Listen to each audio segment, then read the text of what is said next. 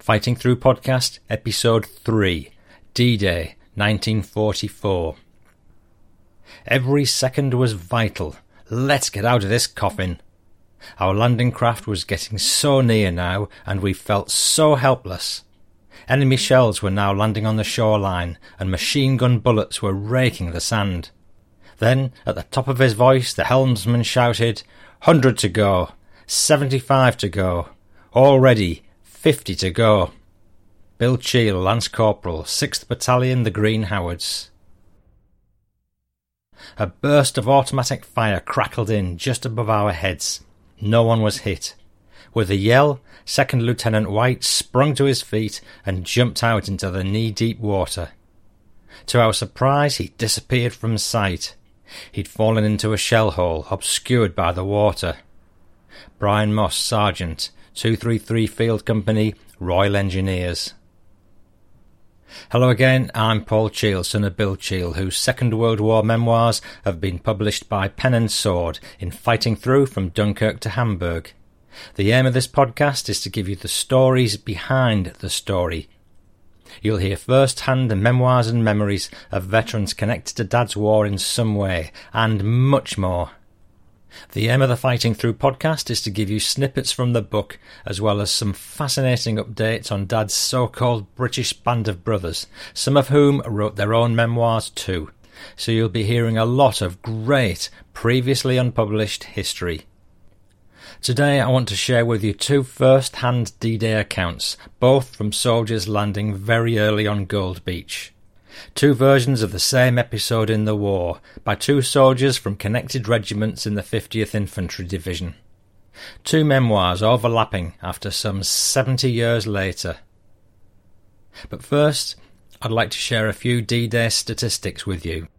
Over 130,000 troops landed on beaches on the 6th of June 1944. 6,000 vehicles, 900 tanks. Over 4,000 small ships and landing craft. 600 warships. And there were 14,000 sorties by bombers. And over 10,000 troops were killed on that first day. This battle needs no further introduction beyond saying D Day was the day for revenge for so many pals and comrades killed in previous battles. It was payback time, Judgment Day, and I'm going to start with my dad's story. This passage starts with the foreboding lead up to the big event when troops were being brought south from all over England to encampments. The first week in April 1944 found us at a new campsite in bell tents which had been erected in a field of short grass. It was Bushfield Camp, two miles outside of Winchester. We certainly got around in the army. The battalion field kitchen was set up in the middle of the field, and at meal times the bugle would blow, and the lads would grab their mess tins and eating irons and join long queues in order to be served their meal, which was usually plentiful, I don't know why the army couldn't have provided waitress service for its infantry. In the field adjoining ours there were some American soldiers who appeared to be from a different planet. Their attitudes seemed to be so easy-going and casual. No bell tents for them, but good square tents with three-foot walls holding about a dozen soldiers. We had six to a tent. The smell from their kitchen was fantastic. They even had doughnuts for afters. We had rice pudding most times. I didn't think they looked as fit as we were, and they appeared to be casual in their movements, but they were very well equipped, and I was sure they'd give a good account of themselves when the time for action came. They were our allies, and it was hoped that we could learn from one another. They were very good natured and always greeted us as friends. Being the first American soldiers we'd come across, we were certain to get along well. They were okay. It was the second week of May 1944, and we were on the move again, and we were three miles from Romsey on the Winchester Road, which passed about twenty yards from our tent. It was drizzling with rain much of the time, and weapon cleaning was a nightmare, not exactly a tonic to put us in high spirits.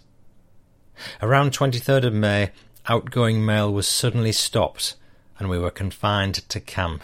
Yet I can recall that the camp was not guarded to keep us in. It was only a verbal order, which was obeyed without any questions being asked.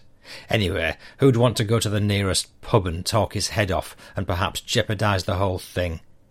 In any case, all bus and railway stations would be watched by the Redcaps, and they stood no nonsense. They'd be on the lookout all over the south of England for any soldiers going AWOL. Significant events were taking place.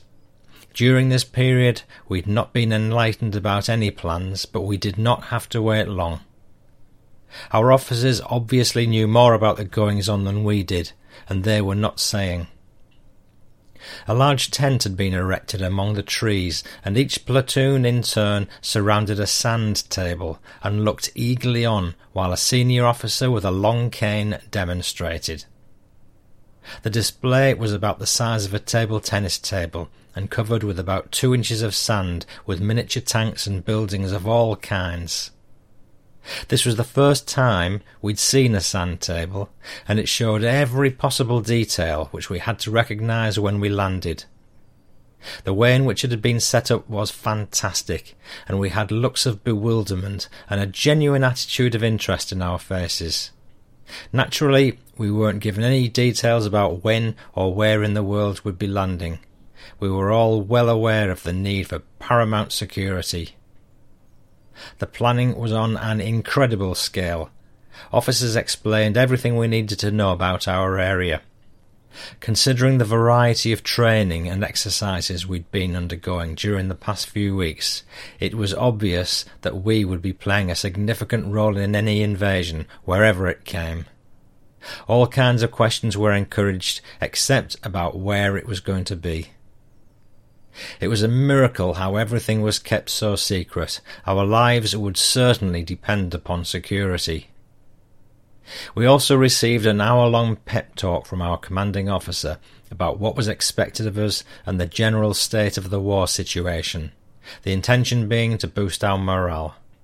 However, there was no cause for concern. Our spirits were never better. The Green Howards were a grand bunch of lads from the North Riding of Yorkshire, and no squarehead was going to have it all his own way when we were finally confronted with him. We had to avenge Dunkirk, and the enemy was going to find out what a fighter the British soldier was. As we were undergoing all this enlightenment around the sand table, other things were taking place on the road just about fifteen or so yards away from us. Heavy vehicle noise made any further talks impossible, so we went to investigate. Overhanging trees forming an archway covered the road, which ran a matter of fifteen yards from our tent. There was a six foot grass verge. As far as the eye could see, armoured vehicles, trucks, and guns of all sizes were parking on the grass verge, nose to tail, on both sides of the road. It was a most incredible sight, and we'd never seen anything like it. There were hundreds of fifteen hundred weight trucks, three tonners, twenty five pounders, anti tank guns, and many other weapons of war.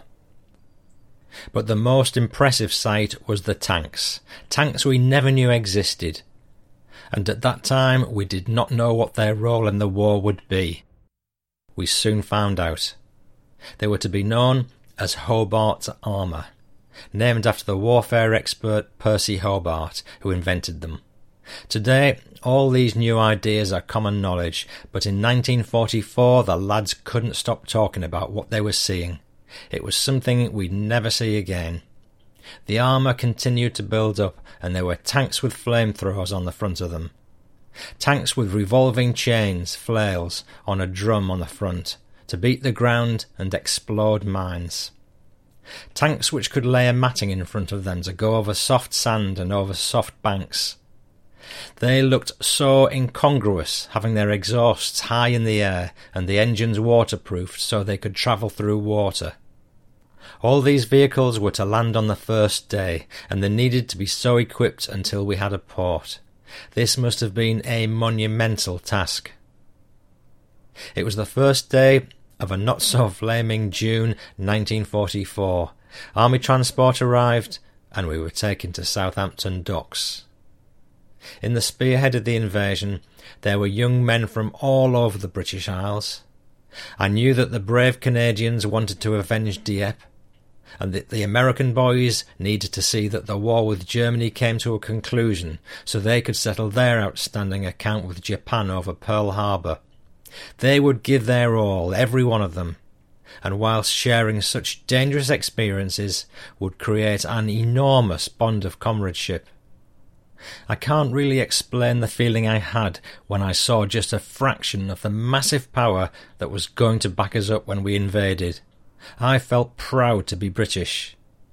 I say British because although I'm a Yorkshireman, I came into contact with some tremendous characters among the Welsh, Irish, and of course the Scots, who were very often fighting alongside us. It was an education to meet such lads. My ship was called Empire Lance. We were very crowded, but didn't expect to be aboard for very long. But when we were allocated sleeping quarters, we decided we could not just be going across the channel. We had tiered bunks, and after we'd stored all our gear, we sat around chatting, putting the war situation into perspective. As far as I can recall, our gear consisted of our 303 Lee Enfield rifle, or in my case, a 2 inch mortar and six bombs. We all carried in our equipment pouches two filled Bren gun magazines, 28 rounds in each, in case there was a hold up in the supply chain, three hand grenades, a bandolier of 50 rounds of 303 ammunition, an entrenching tool, a filled water bottle, a gas cape and ground sheet, gas mask, a full small pack, and our webbing equipment plus bayonet and steel helmet. Section leaders carried a Sten gun. We never travelled far without our small pack on our back. It contained a change of clothes and personal things. If anybody had spare capacity, more ammunition was carried because nobody was certain how things would go once we'd landed and we were moving into uncharted waters against a formidable enemy. Then, after three days of almost claustrophobic conditions, the tannoy system came to life, telling us to pay utmost attention. Our commanding officer then proceeded to speak. No longer were we going to be kept in the dark. You could have heard a pin drop. It was to be France. That moment made the deepest impression on my mind. Our battalion would be landing on a three mile stretch of beach between Le Hamel and La Riviere, having the code name King on the coast of Normandy, on a 60 mile front. At last we knew the whole attack from the sea would run from west to east, with the Americans on Omaha Beach on our immediate right, and Utah on our far right. The British were on Gold Beach, the Canadians on Juno, and the British again on Sword. Then we knew we would be the first, and it all began to come together, what we'd been training for. Then, after we'd reached a critical point in our thoughts, the tannoy again came to life to inform us that the invasion was postponed because of the weather conditions. It was very windy and drizzling with rain. It now had to be the 6th of June. On the afternoon of the fifth, our officers walked amongst us, giving the lad confidence, but there was always the boy who didn't give a damn. They cleared the air a lot with their wisecracks, and later on made Jerry sit up. They were the tough lads of nineteen, some of whom were awarded the military medal for their exploits. Then another request, not an order as such, came over the tannoy. The Padre, Captain Lovegrove, wanted to say a few words to us.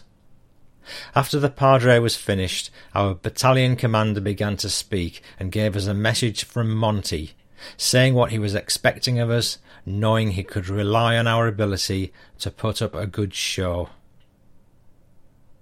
And this is the message from Monty. It's addressed 21st Army Group. Personal message from the Commander in Chief to be read out to all troops. The time has come to deal the enemy a terrific blow in Western Europe.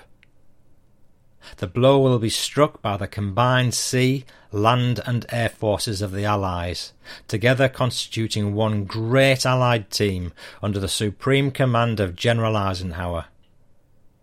On the eve of this great adventure, I send my best wishes to every soldier in the Allied team.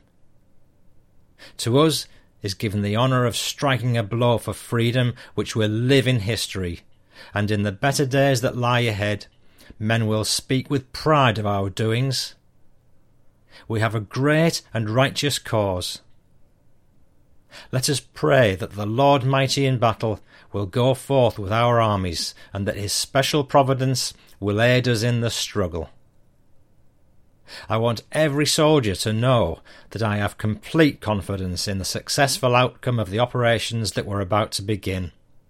With stout hearts and with enthusiasm for the contest, let us go forward to victory.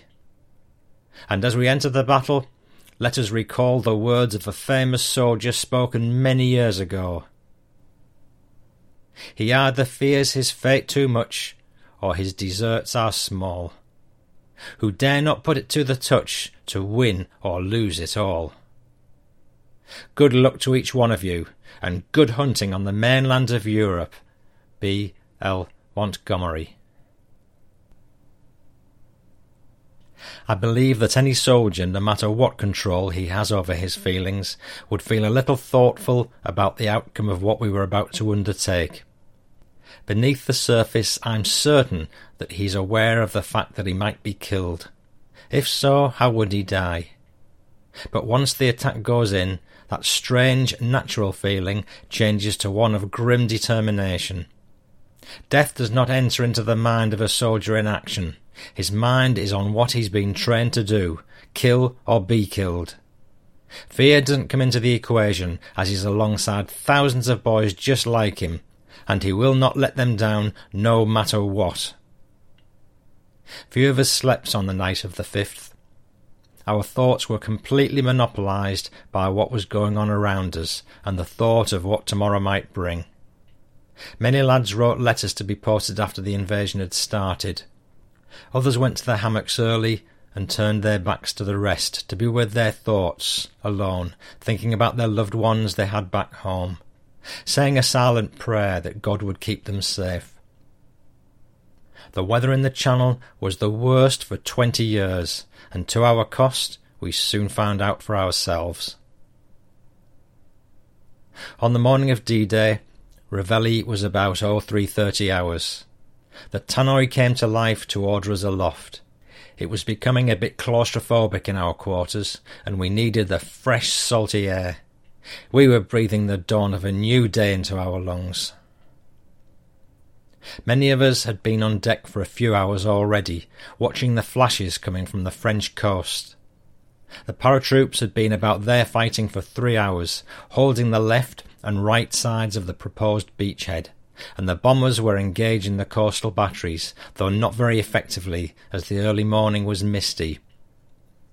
At 0500 hours, the ship heaved to, it was just starting to come light. We were now standing, waiting for further orders, almost weighed down with equipment, ready for the fray. Suddenly, Come on, lads, let's go, from our officer, reminded me very quickly why I was there. It was time. I found myself with my leg over the side of the ship, trying to get a footing onto the scrambling net. I'd fastened the mortars and bombs onto my equipment, and my number two on the mortar was alongside me. The practice we'd done for this day was nothing like the real thing, and endeavouring to get a foot onto the landing craft was beset with danger. The sea was very rough, and there was a three foot rise and fall of the craft against the side of the ship. It was a hair raising experience, but luckily nobody suffered any injuries. Somehow we made it, and pulled away from Empire Lance, and then waited until all the assault craft were in line abreast.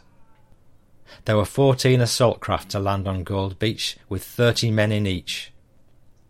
As soon as we were all settled on the bench seat, the order came Craft away! We were only seven miles from our objective. The whole operation was fantastic. The sea seemed to be covered with ships of every description. The run in was to take two hours, and our H hour was 0725 hours, with the Americans on our right, and because of the differences in the tide, they'd started their invasion at 0630. God help us, lads. Looking around us, we could see other assault craft taking station at each side of us. The sea was very choppy, but as the mist began to clear and the light was improving, the whole mighty operation became visible to us. And what a sight it was! Something nobody had ever seen before. The mind could not absorb the enormity of it all. There were thousands of ships of all sizes, standing out like huge sentinels the mighty warships. In fact, almost seven thousand in all. The extent of what we were taking part in is difficult to describe in great detail. It was such a vast undertaking that nobody, not even the participants, could describe the invasion adequately enough, and as vividly as we saw it happen. It would never be seen again in our lifetime, so many ships in one place at one time.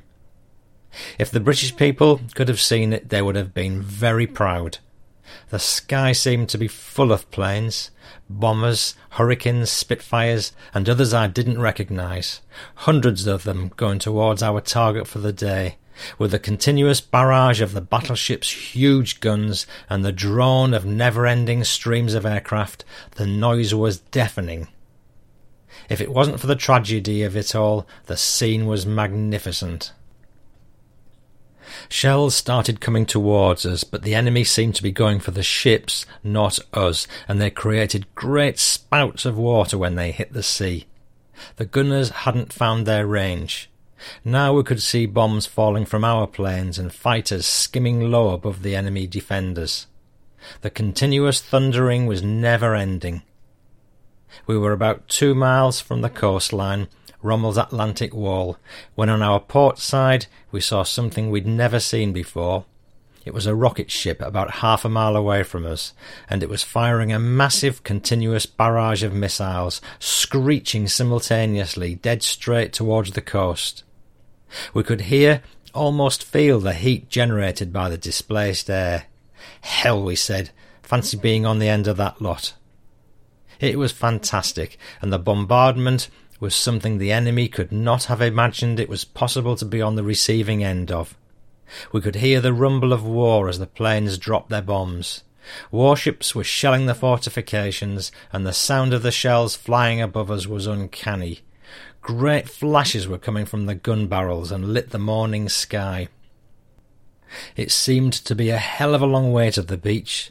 Then I saw a landing craft next to ours slow down. A bullet must have hit the helmsman.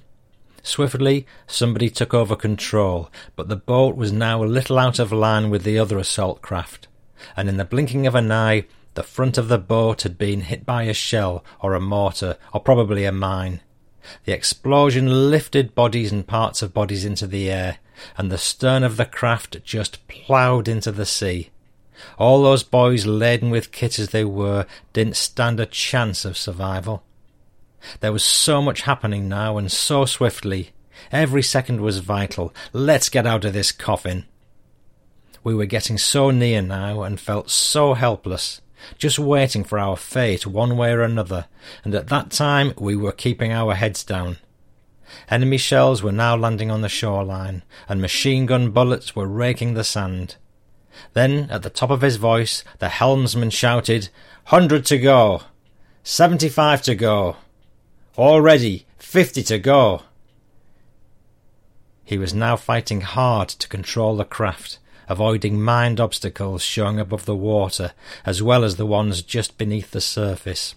One boat had already met disaster on this approach. Twenty-five yards! And suddenly, ramp going down! Now! And the craft stopped almost dead in three feet of water, and our platoon commander shouted, Come on, lads! And we got cracking. This was no place to be messing about. Get the hell out of it. Our primary concern was to get out of the sea, onto the soft sand, and the boys in front and behind of me went down. Hell, get moving. That was a passage taken from my dad's published memoirs, Fighting Through from Dunkirk to Hamburg. Brian Moss was a sergeant, 233 Field Company, Royal Engineers. You heard in episode 2 how he filled the anti tank ditch at Wadi Akarit to enable tanks and troops to cross into enemy territory. We now catch up with him again on the lead up to D Day. His path often crossed with the Green Howards during the war, but on this occasion he was attached to the 5th East Yorks. We left Weymouth in early May and moved into our final location before the invasion, the woods known as South Holme Coppice, on either side of the road from Romsey to Ampfield. Suddenly, we were moved into Broadlands, Mountbatten's home, where we were to stay less than 24 hours. This was different. This was it. From Broadlands, we were taken to the public park in Southampton, only yards from the docks. Here we squatted behind iron railings like monkeys in the zoo, while the townsfolk stood and stared at us. The people didn't shout encouragement or laugh about what their men would do to Hitler. They looked upon us as if with compassion. Like Churchill himself, they probably viewed the prospect with foreboding. Then we were off, up on our feet, battle order adjusted, and marching out of the park. It was only a few hundred yards to the docks where the Empire Rapier lay. Thousands of people came out of their houses to stand on either side of the marching men, watching us go in silence. They came to see us off, but did not make a sound. Our ship was loaded quickly. We'd done it so many times before. We pulled away from the quayside and headed off down the fairway, where we anchored in our appointed position amongst the mass of shipping. That afternoon, we were treated to a fly past of captured enemy aircraft, so we'd know what to shoot at. It may seem like a good idea, but I thought it was a pointless exercise. I'd come to realise that aircraft identification was a matter that some learned and others never would. So if you'd not learned this by the fourth year of the war, you never would. Later that day, a rumour went around the fleet that everything had been postponed for 24 hours. Then we learned this was true. D Day would be the 6th of June and not the 5th as originally intended. The following day was spent quietly on board. I sat in the sun on the upper deck with Johnny Holiday. That night below decks the lighting was a dim reddish glow to preserve our night vision. The lights garishly illuminated the steel bed frames let down on chains. Many of us would become infected with scabies from these beds. I must have slept soundly that night, because I remember being awakened by the sounds of reveille over the tannoy system. The ship was moving fast and there was a heavy swell out there. In the canteen, breakfast was served on large trays of steel plate, pressed to form dishes and plates of different sizes, into which our food was greasily ladled. Having eaten and shaved, I took a quick look outside. It was still dark, but I could see long lines of ships in the gloom, closely stationed and driving on towards the enemy coast. I got the feeling that I must be part of the most enormous undertaking ever attempted. In our quarters, everyone was giving his equipment a last look over. I checked the magazines of my Sten. There was a distant and gigantic rumbling clearly heard over the noises of the ship, Thousands of aircraft were unloading their bombs on the coastal defences. We'd been assured that all defensive positions would be obliterated before we landed, and this message had been received with, der- with a derisive cheer, since we all knew about promises of this kind.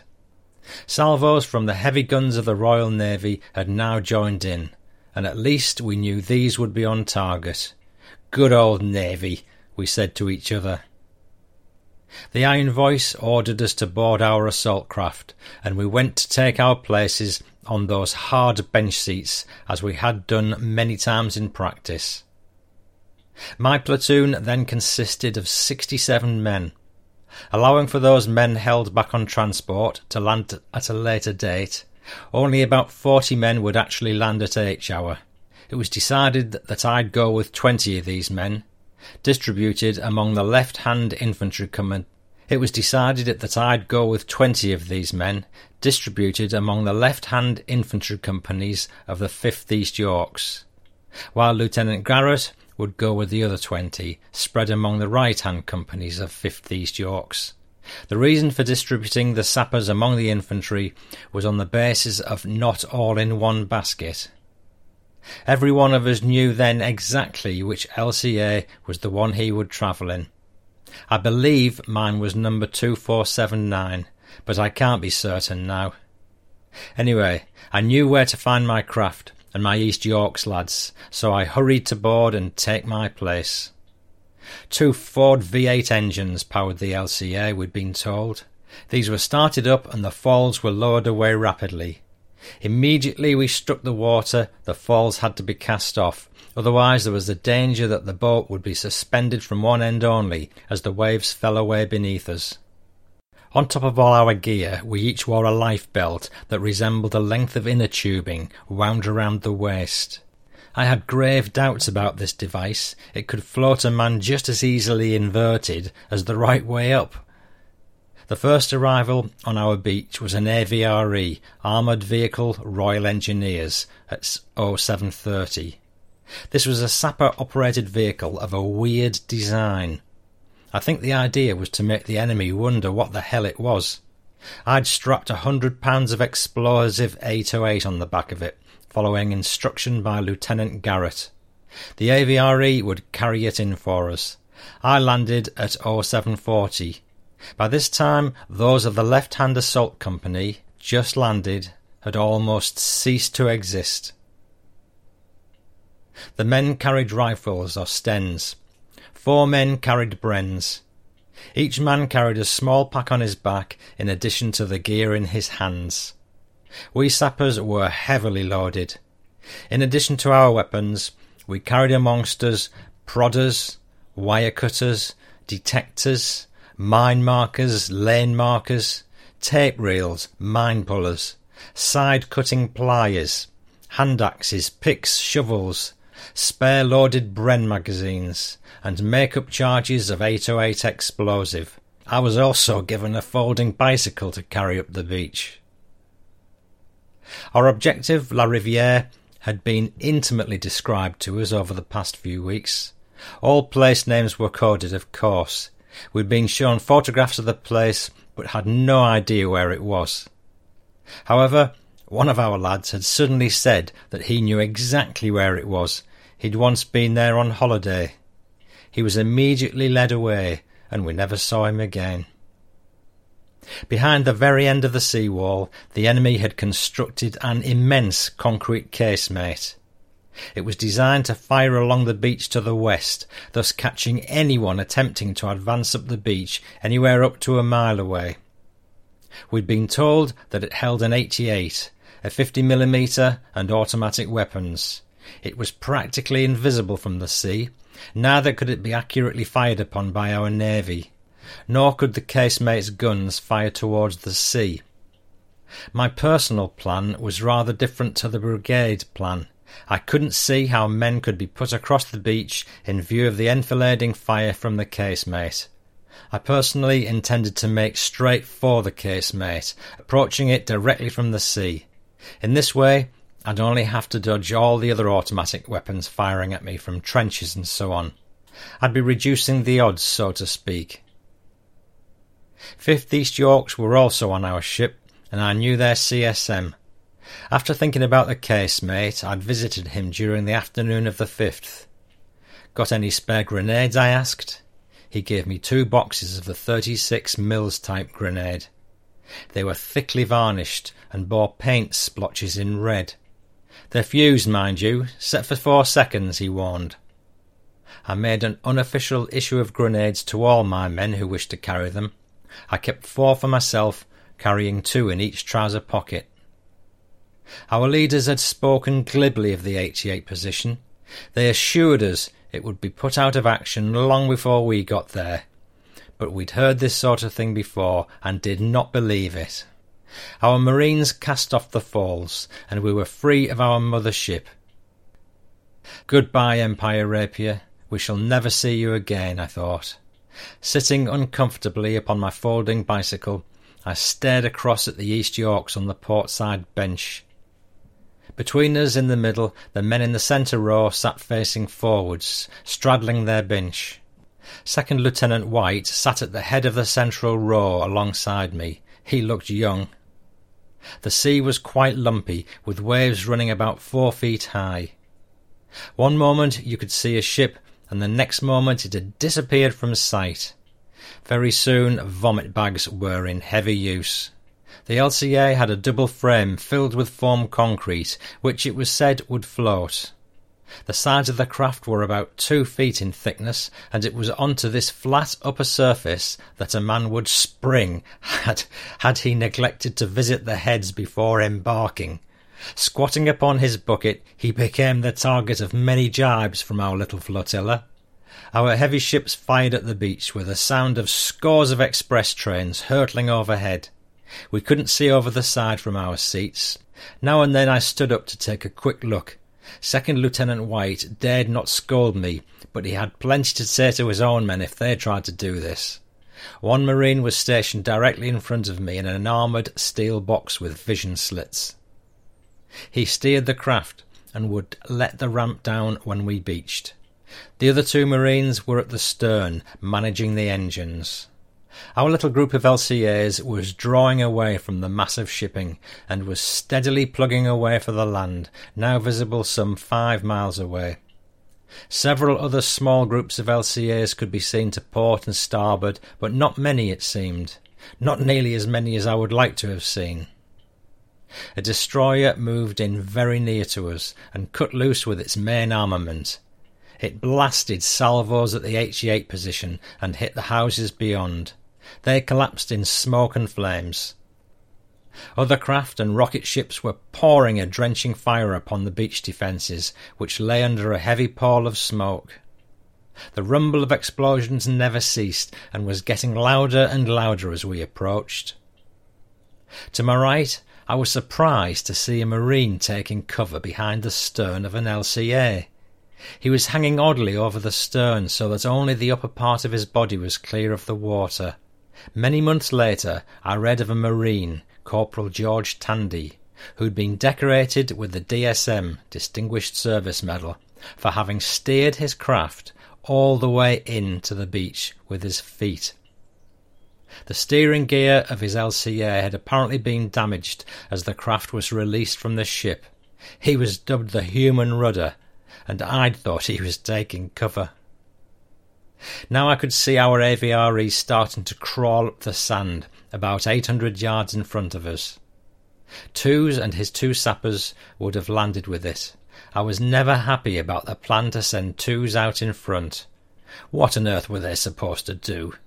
A single boat landing at the start of it all would obviously attract the fire of every gun in range. I thought it was a suicide job, and I could see that Twos thought so as well, when I had to detail him for it. The East Yorks were getting excited, and many stood to look over the side. Second Lieutenant White said nothing about this now.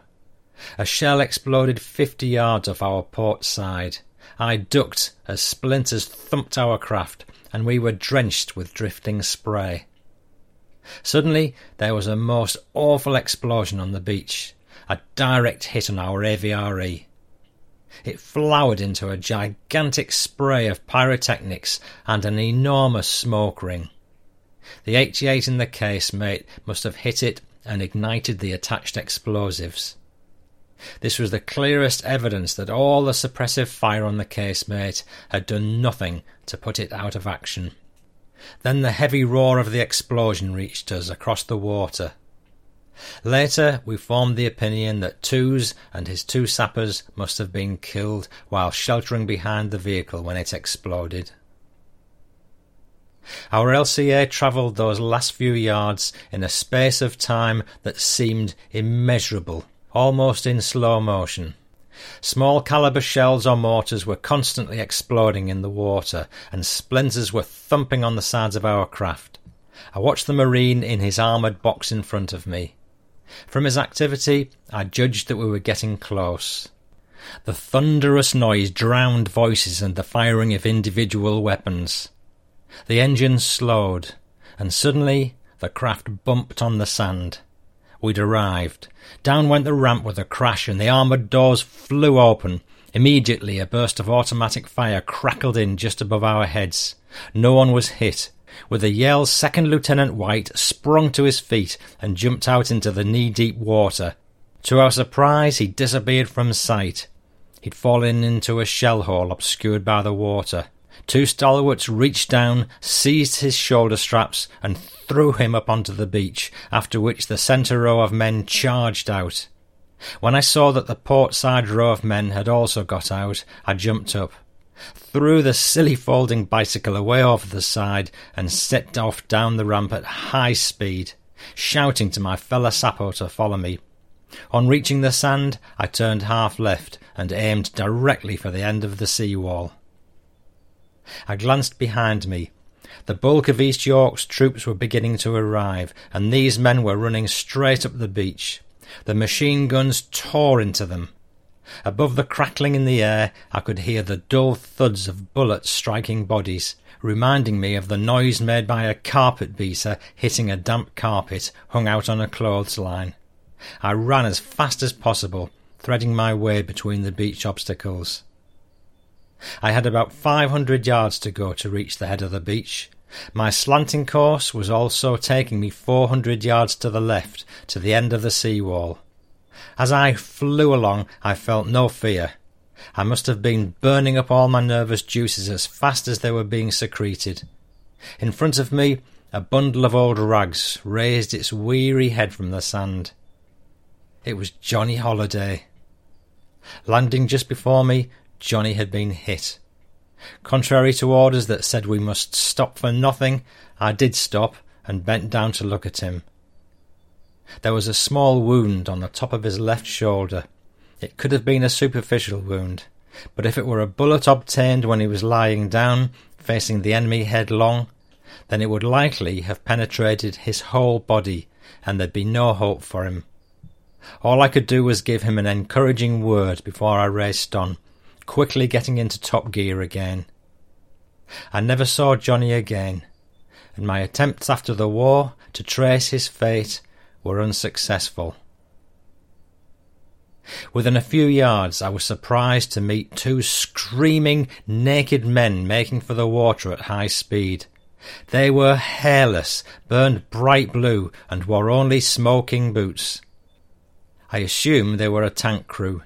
We passed on opposite courses with never a second glance.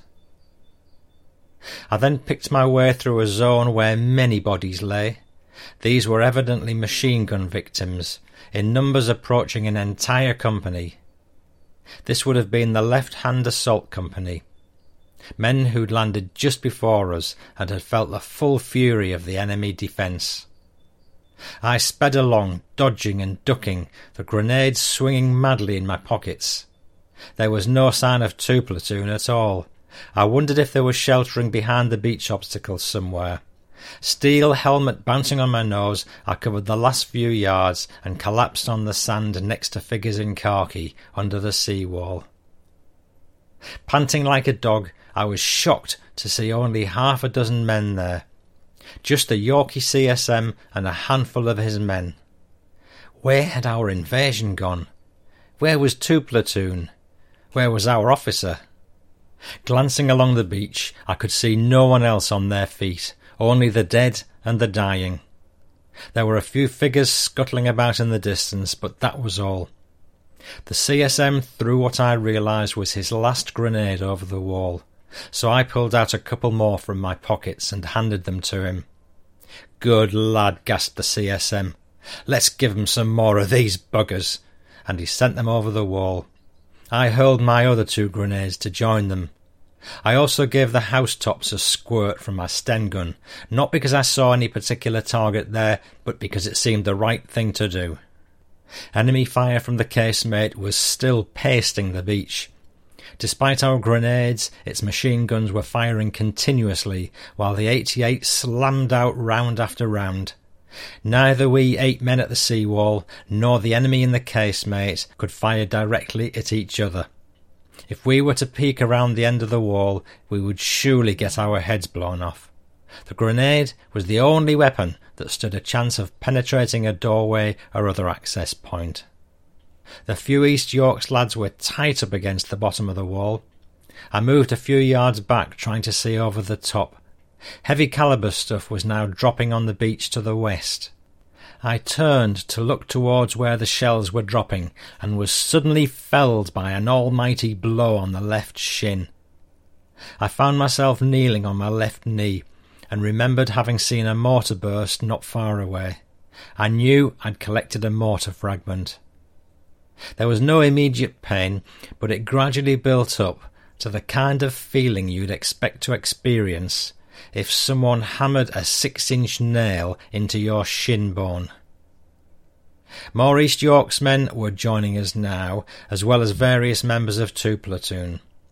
I wanted to get Boucher and his number four section to ensure the road wasn't mined, while my plan was to move inland with the other sections and the Yorkies. Figures began to appear beside me, George Thorpe for one. He was a member of number three section, evidence that some others of the leading wave had also survived. The lads came and grouped rapidly around me. They must have guessed why I was kneeling. We heard a shout that Albert Lawson was down near the water's edge. Thorpe dashed off, and with the assistance from Andy Thomas, dragged him up to us. Lawson had no obvious wound, and yet appeared on the point of death. The lads raced back down into the bullet swept zone to pick up another lad, Mills, who'd also dropped at the tide line. Mills had taken a bullet through the chest. Two men picked him up between them, and as they did, Mills got another bullet through the chest. So they put him down again. I am certain my lads deserved a few decorations that morning, but as no officer was present to witness their efforts, they went unrecognised. Lawson was limp and unconscious, and we couldn't do anything for him. The East York CSM was still trying to get men around the corner of the blockhouse, but each time they were blasted back. Other members of two platoons sent their grenades over the wall, and the machine gun fire ceased. Half a dozen East Yorks dashed around the corner, and the battle for the casemate was finally over. Much later, I'd learned that a cluster of eight or nine quarter inch fragments had penetrated about an inch into my tibia. The pain made me retch. Wow. That was just one of many Fighting Through podcast exclusives taken from the private, unpublished World War II memoirs of the late Sergeant Brian Moss. Anyone wanting to read more of Brian Moss' story can only look out for the publication of his book at some point in the future. His son Michael Moss is looking for a publisher for his dad's memoirs. Um, so if there's any budding publishers out there, please get in touch. You'll hear more of Brian's memoirs as the podcast progresses, such as his role in disarming unexploded bombs during the 1940 London Blitz. Oh my goodness. If you think you'd like to learn what happened to my dad after he landed on Gold Beach, and you want to buy the book Fighting Through from Dunkirk to Hamburg, here's a little more about Dad's book taken from the blurb on the cover. When Bill Cheall joined up in April 1939, he could not have imagined the drama, rewards, and near continuous action that lay in store. First and foremost to Green Howard, a Northern regiment, as a member of the British Expeditionary Force, he saw the sharp end of Hitler's May 1940 blitzkrieg and was evacuated exhausted from Dunkirk. His next move was to North Africa, courtesy of the Queen Mary, to be part of Monty's Eighth Army. After eventual victory in Tunisia, the Sicilian invasion followed. Alongside a number of other battle hardened units, the Green Howards were then ordered back to England to form the vanguard of the Normandy invasion. In the fierce fighting that followed the D Day landing on Gold Beach, he was wounded and evacuated. His comrade Sergeant Major Stan Hollis won the only VC to be awarded on 6th June 1944. Once fit, Bill returned to the war zone and he finished the war with the East Lancs as a regimental policeman in devastated, occupied Germany. For all this, he earned seven medals and a Wounded in Action stripe. Bill experienced many adventures during those action packed years. Unlike too many, he survived to share these with the reader.